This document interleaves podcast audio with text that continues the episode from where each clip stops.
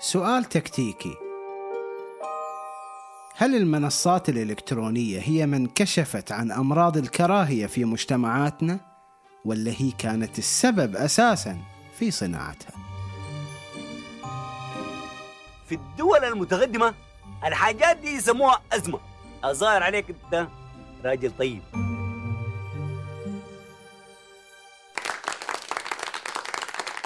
نزولا عند رغبة الجماهير والمناشدات المستمرة.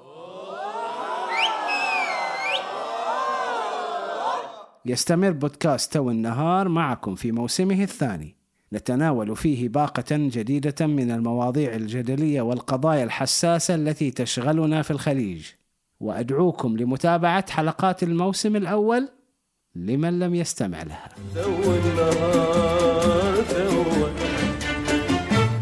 موضوعنا اليوم عن مرض خطاب الكراهية. مو قلنا بخير إيش حق هاللف والدوران بعد؟ إي نعم مرض. مرض وله أعراض وعلاج. تتذكرون أول ما جانا الإنترنت في الخليج؟ لا مو هذا الصوت التعيس. أقصد أيام المنتديات وال FreeTel وال ICQ وال Messenger. كان المثقفين اللي ما كانوا يستخدمون هالسوالف للمغازل ليل نهار مثل بعض الناس اللي يعرفون نفسهم. أشوف ربعنا كل شبابنا وشيابنا راحوا هناك. كان المثقفين يقولون إحنا رايحين لمكان جديد العالم صار أقرب. قرية كونية العولمة تلاشي الحدود كلام كبير. الناس تدردش مع بعض تتعرف على بعض تطوي المسافات وتفهم بعض. المصلحة العامة فوق المصلحة الخاصة يعني أهم شيء مصلحة الفريج بعد عقدين نسأل هل صحيح صرنا أقرب مثل ما كنا نتوقع؟ صرنا متسامحين مع بعضنا أكثر؟ مع طوائفنا؟ مع اختلافاتنا؟ أحيانا أحس أن الأمور صارت أتعس خطابات الكراهية صارت متجذرة أكثر طلع لها لسان وصارت منظمة أكثر بجيوش إلكترونية وبوتات شغالة ليل نهار. حملات منسقة تعيد نسخ وتوزيع نفس الكلام. لكن متى نقدر نقول إن هذا القول أو الفعل جريمة كراهية؟ علشان لا نطولها وهي قصيرة أي شخص أو جماعة يتم استهدافهم والتحريض عليهم على أساس هويتهم أو انتمائهم هم يتعرضون لجريمة تحريض على الكراهية. سواء كان هذا التحريض كلام أو فعل. الضحايا غالبا هم الأقليات والضعفاء من الناس. الناس اللي قدرتهم على الرد محدودة. ترى أغلب منتجي خطاب الكراهية جبناء. هذا الحكي يتم هني ما يطلع برا البيت. ما أبي الناس تدري عن هالشيء سمعتوا؟ فاهمين؟ السني الشيعي العجمي الهولي البدوي الحضري الأجنبي. لما تكون هذه التعريفات الاجتماعية أو التصنيفات الثقافية ملونة بإيحاءات تمييزية أو تحقيرية أو عدوانية ولما يكون شخص ما عرضه للاستهداف على أساسه فهذا تحريض على الكراهية. طبعا الأثر للتحريض ممكن يكون شتيمة أو ازدراء أو تحقير وممكن يوصل للاستهداف الشخصي وحتى القتل. خلاص ملينا يا أخي شنو أنا لما أحط صورة هاي صورة حطها يكتب لي رافضي رفضت أنا رفضت أنا شنو رفضت يفهمني واحد كلب من هذول اللي يكتب خطاب الكراهية في منصات التواصل الاجتماعي ما يختلف عن خطاب الكراهية خارجة. بس في الإنترنت خطاب الكراهية عنده أسنان شرسة أكثر. ينتشر أسرع ولذلك هو أخطر لأن أكثر قدرة على التأثير في الرأي العام أو حتى في صناعة رأي عام وهمي. لاحظ معاي إن الحسابات المجهولة تزيد الموضوع سوء، ليش؟ لأن المغرد لما يضمن أن شخصيته ستبقى مجهولة وأن العقوبة مستبعدة ياخذ راحته ويطلع كل السموم اللي بداخله. منتصف 2016 شركات فيسبوك وجوجل ومايكروسوفت وتويتر وافقوا على الالتزام بمدونة ضبط السلوك التابعة للاتحاد الأوروبي. واللي كانت تشمل مواجهة تنامي خطاب الكراهية في هالمنصات خصوصا من الحسابات اللي أصحابها مجهولين. بالنسبة لدولنا فهي يا تاركة الحبل على الغارب ومتورطة في خطاب الكراهية يا شادة الحبل وخانق الكل بالأمس كانت الجماعات الإسلامية المتشددة أبرز منتج لخطاب الكراهية طبعا بتواطؤ من بعض دولنا. اليوم هذه الجماعات نفسها هي ضحية لخطاب الكراهية اللي تصنع دولنا ضد هالجماعات.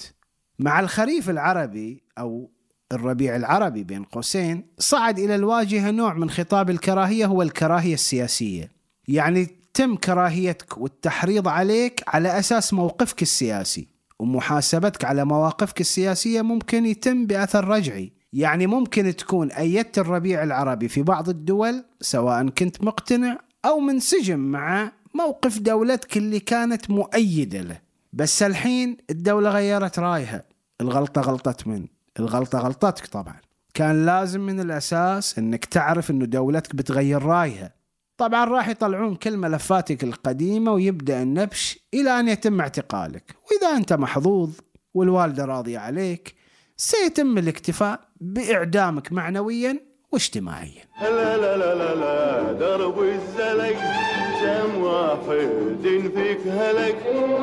لا تخفيك حوافيره ترثن لك بحيره بعض خطابات الكراهية موجهة ضد المرأة بعضها ضد السود بعضها ضد لهجة من اللهجات في البلد الواحد وبعضها منشأة الإحساس بالخوف.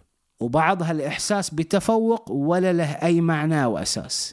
في ناس يعتقدون أن مجرد كونهم ولدوا خليجيين بالصدفة فهذا يعطيهم الحق في ممارسة التعالي والتنمر وتصدير الكراهية والازدراء ضد الآخرين. على سبيل المثال مجتمعاتنا مو قادرة حتى اليوم تطور موقف عام إنساني من العمالة المهاجرة. موقف يخلق توازن بين كوننا خليجيين ولنا أولوية بحكم المواطنة في الحصول على بعض الامتيازات. بس بدون ما يعني هذا أن للخليج الحق في الإساءة إلى الوافد أو استضعافه أو إشعاره بالمهانة. كثير من نخبنا متقاعسة في هذا الموضوع. يمكن لأنها تخاف من تحول حملات الكراهية لاستهدافهم هم أنفسهم. أو بصراحة يمكن لأن بعض هالنخب تتبنى خطاب الكراهية أصلاً. هذه ما تقعد عندي.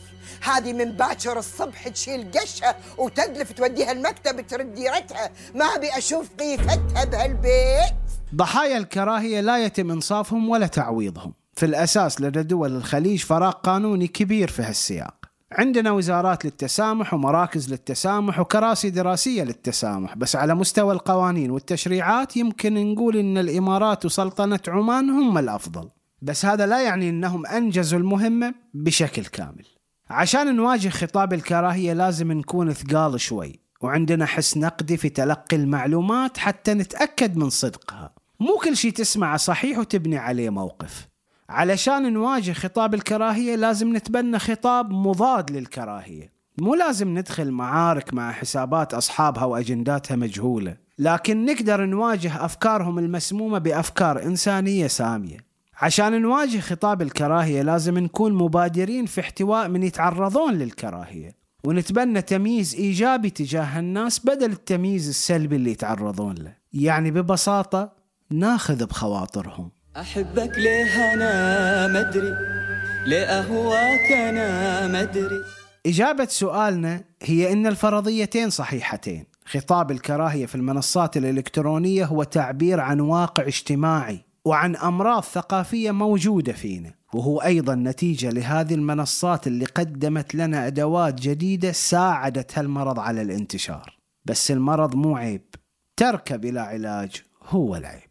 أكرهها وأشتهي وصلها وإنني أحب كرهي لها. كان معاكم عادل مرزوق في أمان الله. أكرهها